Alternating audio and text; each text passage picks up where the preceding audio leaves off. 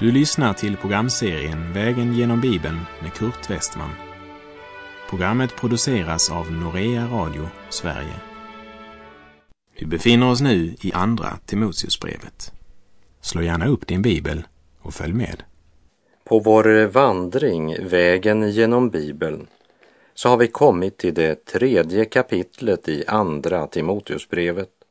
Här proklameras skriftens auktoritet men också det avfall som ska prägla den sista tiden före Jesu återkomst.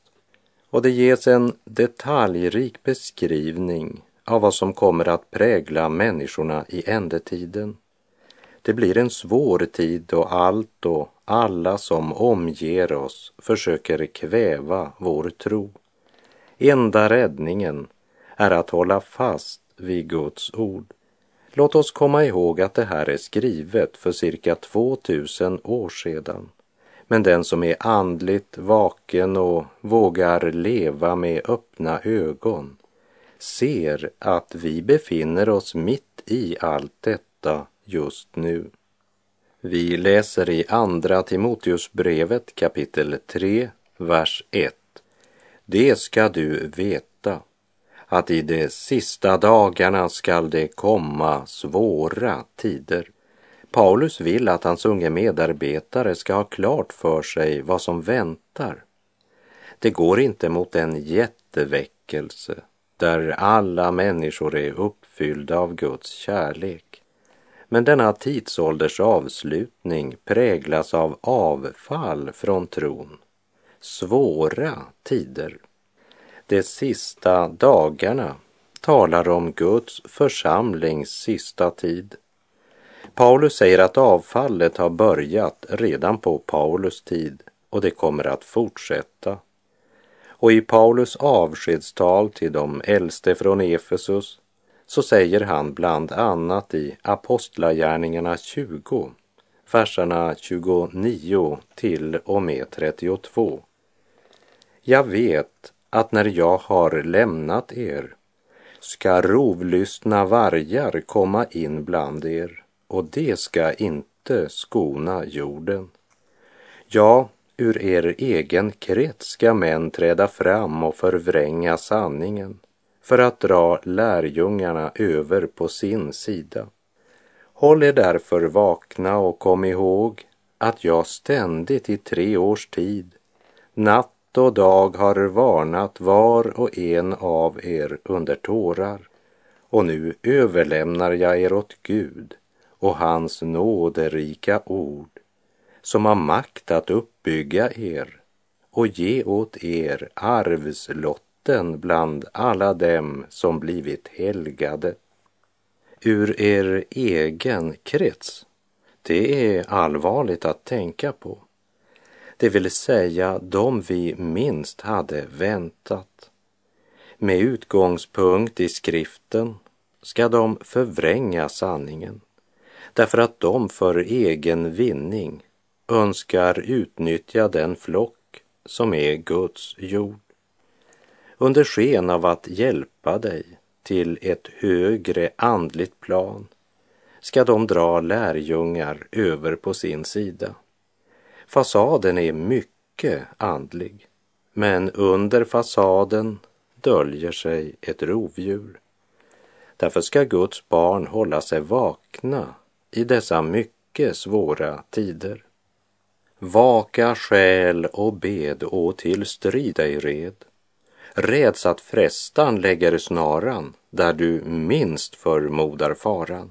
Sådan är hans sed. Vaka själ och bed. Det handlar alltså om en svår tid för trons folk eftersom allt runt omkring oss försöker kväva tron. En tid då endast den som tagit på sig Guds ords syrgasmask bevarar tron. Och Paulus säger inte bara att det kan komma svåra tider, men han säger det skall komma svåra tider. Och så fortsätter han och beskriver vad denna avfallstid gör med människorna. Mer än en drömmare, talar om enorma världsväckelser som de menar snart ska komma. Och tidsåldern avslutas med en triumf för Guds församling. Allt ska bli bättre. Men orden ”det skall komma svåra tider” pekar inte mot någon stor omvändelsetid precis. Samtidigt måste vi säga att Guds ord för närvarande mäktigt går fram i många länder. Men i det som en gång var kristna nationer är avfallet och ogudaktigheten det som präglar vardagen. Då måste ett Guds barn leva mitt i en värld som översvämmas av ogudaktighet, omoral och utstå förföljelser från alla dem som hatar Gud och hans heliga bud och förföljs av alla falska herdar som tröstar folk i deras synder. Gud vill göra klart för oss, det ska komma svåra tider. Hör min vän vad Guds ord säger om vår tidsålders avslutning. Och du kommer att se att vi befinner oss mitt i allt detta. Vi läser andra Timoteusbrevet 3, verserna 2 till och med 4. Människorna kommer att älska sig själva och vara penningkära, skrytsamma, stolta, hånfulla, olydiga mot sina föräldrar, otacksamma, gudlösa, kärlekslösa, oförsonliga, skvallraktiga obehärskade, råa, fientliga mot det goda, falska, egensinniga och högmodiga. De ska älska njutning istället för Gud. Villfarelsen blir mer utspekulerad än den någon gång varit. Ty den här tidsålderns Gud har förblindat de otroendes sinnen så att de inte ser ljuset som strålar ut från evangeliet om Kristi härlighet, han som är Guds avbild.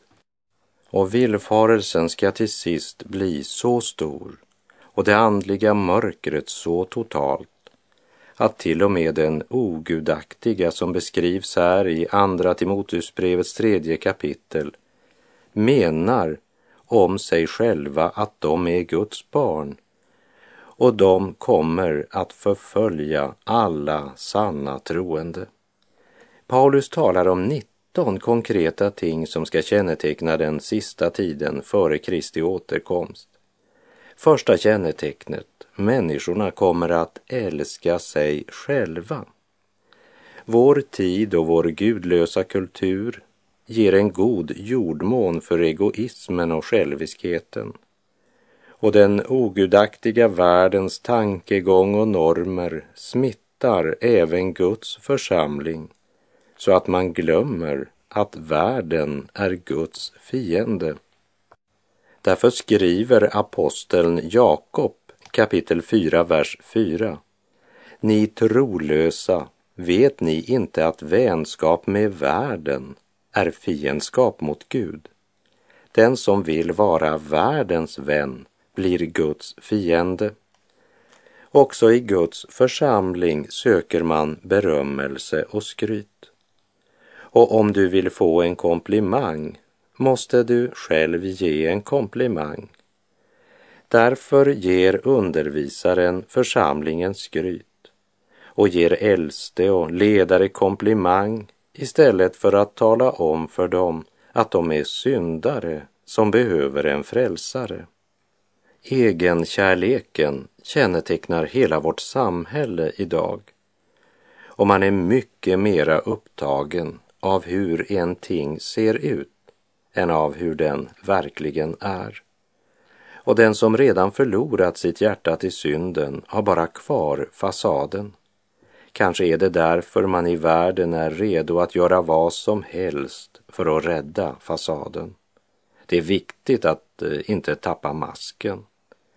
Och stackars alla Guds barn som blivit så påverkade av världens värderingar att man glömt att i livet med Gud kan fem minuters lydnad föra dig längre än tio års strävan. Världens själviska tankegång må inte förvirra oss så att vi förväxlar våra drömmar om framgång med det som är Guds plan för oss. Eller som en av våra trosfäder uttryckte det. Djävulen har inget emot att vi har Kristus på vår tunga, bara han själv kan få sitta i vårt hjärta. Den som lever ett dubbelliv kränker den helige Ande och släcker det ljus som heter Guds vilja i mitt liv. I de sista dagarna ska det komma svåra tider. Människorna kommer att älska sig själva. Men så är det väl inte där du bor? Eller har du lagt märke till någon människa som tänker på sig själv? Du tänker väl aldrig på dig själv?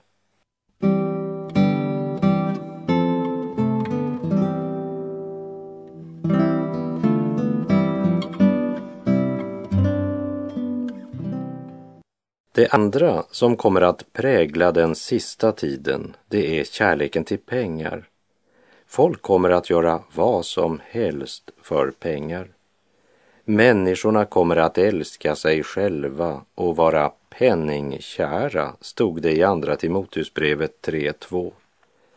Paulus gör Timoteus uppmärksam på faran med att vara penningkär. Och kärleken till pengar är en rot som växer bra i den jordmån som heter egenkärlek och själviskhet. Det är ju omöjligt att se Guds vägar om vår blick är fästad på något annat. Vi minns att Paulus skrev om kärleken till pengar redan i sitt första brev till Timoteus kapitel 6, vers 10 där han säger Ty kärlek till pengar är en rot till allt ont i sitt begär efter pengar har somliga kommit bort från tron och vållat sig själva mycket lidande. Vi förstår av Guds ord att begäret efter jordisk rikedom är speciellt frestande och farligt. Ibland kan det vara stor differens mellan det vi tror att vi måste ha och det vi verkligen behöver. Kärleken till pengar visar sig inte bara genom hur mycket vi lyckats förtjäna, men ännu mera genom hur vi använder pengarna.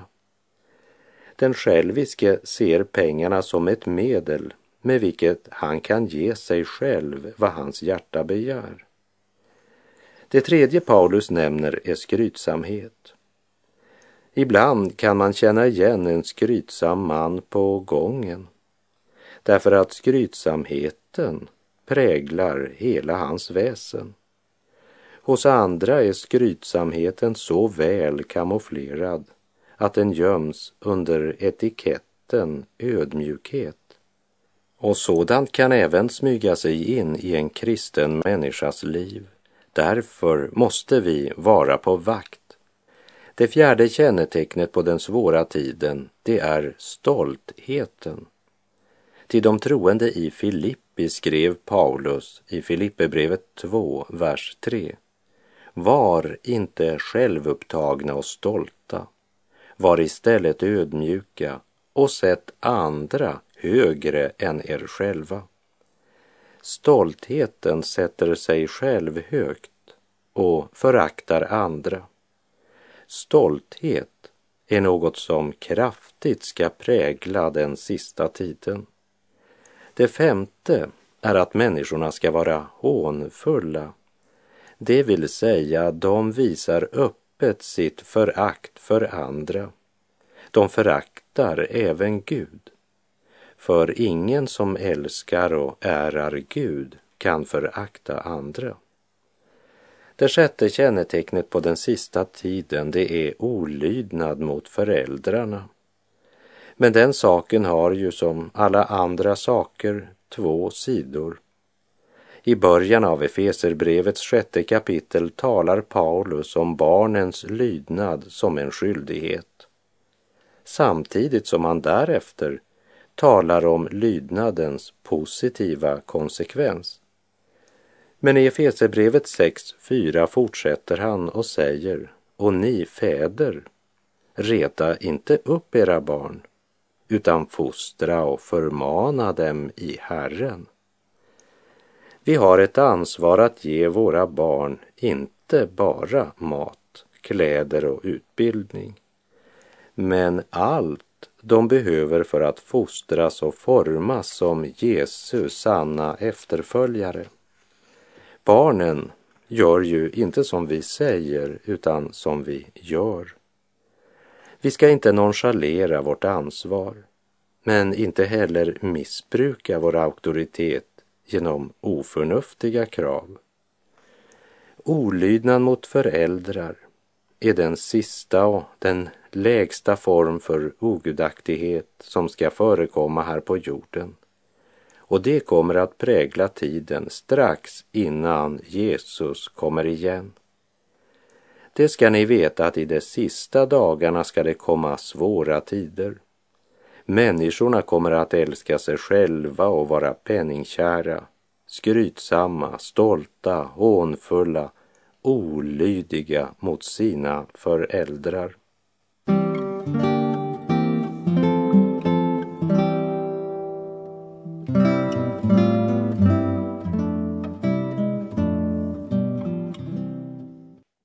Det sjunde som kommer att känneteckna den sista tiden, det är otacksamhet. Den som njuter något utan tacksägelse är som om han rövade det från Gud, säger Talmud. Denna tidsålders avslutning kommer att kännetecknas av att de flesta människorna bara ser hålen i schweizerosten man är bara upptagen av det man saknar och ser ingen glädje i det man har. Man tar allt för givet. Otacksamhet följer alltid som en frukt av att man alltid tänker mest på sig själv. Desto mer otacksam en människa är, desto mera är hon fylld av sig själv. Det åttonde Paulus nämner, det är gudlösheten. Sverige, vars lagar en gång var grundade på Guds ord och vars flagga bär korsets tecken, har blivit en nation i avfall. Vi har fått en kultur utan Gud. Blasfemi, det vill säga Guds bespottelse, har blivit underhållning och Sodoms synder godkänns av våra lagar.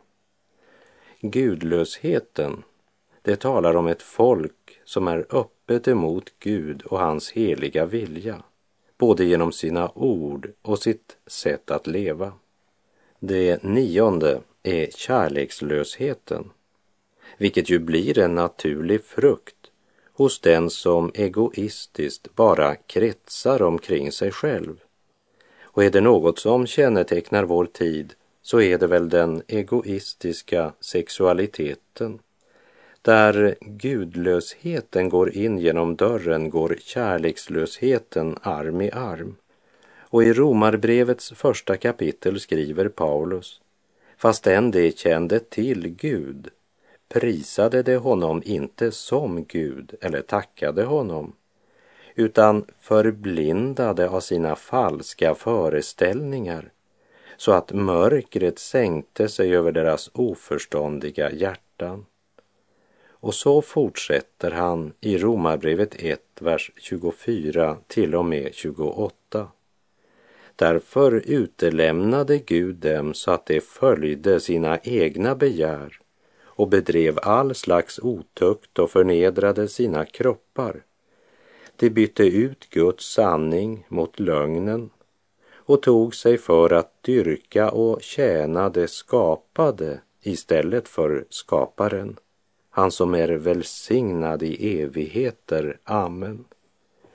Därför utlämnade Gud dem till skamliga lidelser. Deras kvinnor bytte ut det naturliga umgänget mot det onaturliga.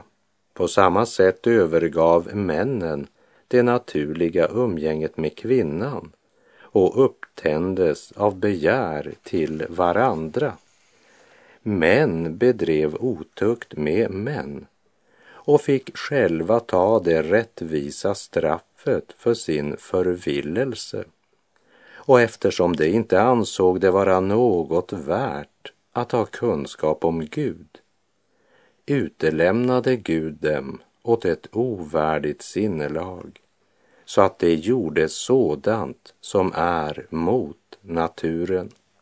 I en kärlekslös tid talar alla om kärlek, men det är få som visar kärlek, för alla tänker bara på sig själva.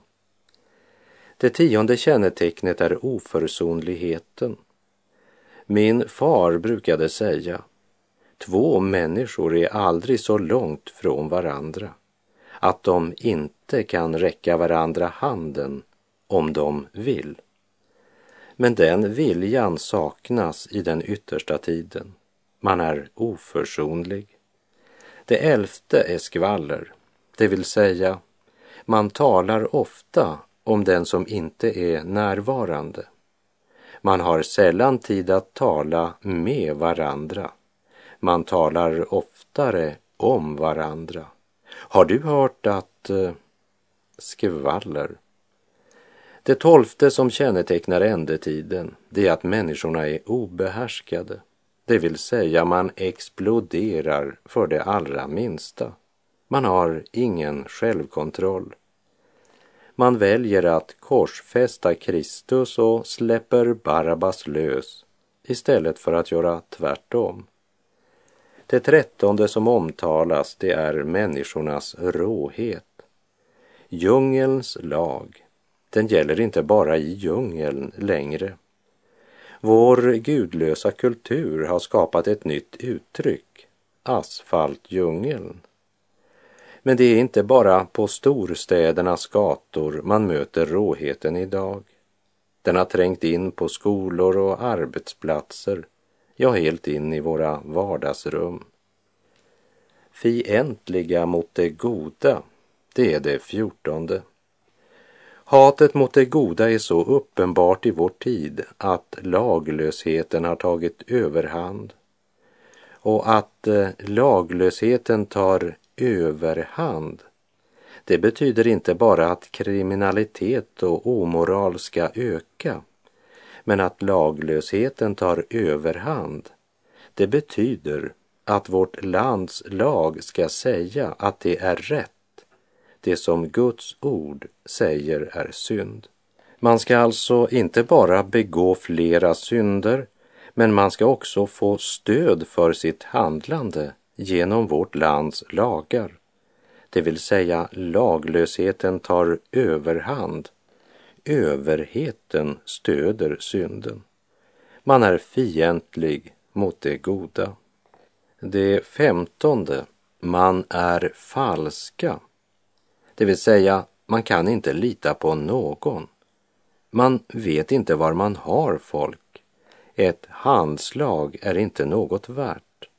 Ingenting är vad det ger sig ut för att vara. Allt är bara fasader. Och ansiktslyftning blir en storindustri. Hjärtat ser ju ingen så det är det ingen som tänker på. Det sextonde kännetecknet, det är egensinnet. Här ses allt från en enda synvinkel, sin egen. Man varken vill eller kan lyssna till andra längre.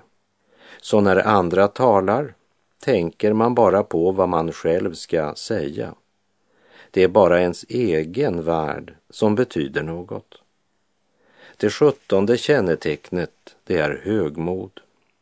När djävulen vill skörda så sår han högmod.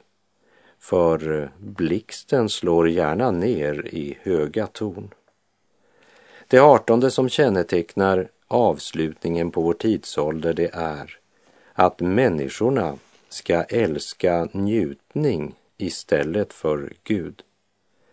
Man är styrd av sin lust och sina begär. Gud kan man ropa på när det är något svårt man vill försöka slippa undan. Eljest frågar man inte efter honom. Det är tidsfördriv, underhållning och njutning som intresserar människorna i avfallets tid. Aldrig har det använts så mycket pengar på underhållning och på sportevenemang som idag. Och det är miljontals människor som samlas vid deras gigantiska arenor. Precis som när det romerska riket var på väg mot sin undergång. Skarorna erbjöds bröd och cirkus och imperiet föll samman. Detsamma sker i vår kultur, för människorna älskar njutning istället för Gud. Och det nittonde och sista som Paulus nämner, det är att man ska ha ett sken av Guds fruktan, men inte vilja veta av dess kraft. Och här betyder inte kraft detsamma som under och tecken, för allt som kan imponera, det vill man nog gärna ha. Men bakom den andliga fasaden vill man inte i det fördolda ha Guds kraft till att leva ett rent och heligt liv. Det är bara vad som syns som är viktigt. Man har ett sken av Guds fruktan, men man är inte intresserad att leva gudfruktigt. Håll dig borta från sådana, säger Paulus. Vi läser andra Timoteusbrevet 3, verserna 6 till 9. Bland dem finns det sådana som smyger sig in i hemmen och snärjer svaga kvinnor som är tyngda med synder och drivs av många slags begär och som ständigt undervisas men aldrig kan komma till insikt om sanningen. Liksom Jannes och Jambres satte sig upp mot Mose står dessa män emot sanningen. De är människor med ett fördärvat sinne deras tro håller inte provet. Men det kommer inte längre att ha någon framgång.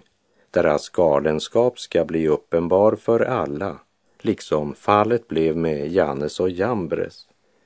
Här talar han om sådana som undervisar andra, men som själva inte lever i ljuset.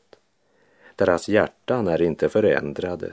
De har bara fått en ny sorts publik. Jannes och Jambres var tydligen namnet på två av de magiker som farao tillkallade när Mose började göra tecken och de olika plågorna drabbade Egypten. Satan försöker alltid att imitera Gud. Och i Matteus 24 talar Jesus om de falska profeter som ska träda fram och göra stora tecken och under för att om möjligt bedra även de utvalda. Och i Andra Korinthierbrevet 11, vers 14 och 15 skriver Paulus och det är inget att förvåna sig över. Satan själv gör sig lik en ljusets ängel. Därför är det inte underligt att också hans tjänare uppträder som tjänare åt rättfärdigheten. Men det kommer att få det slut som det förtjänar. Och i Matteus 24.4 säger Jesus Se till att ingen bedrar er. Och med det så är vår tid ute för den här gången. Herren vare med dig, må hans välsignelse vila över dig. Gud är god.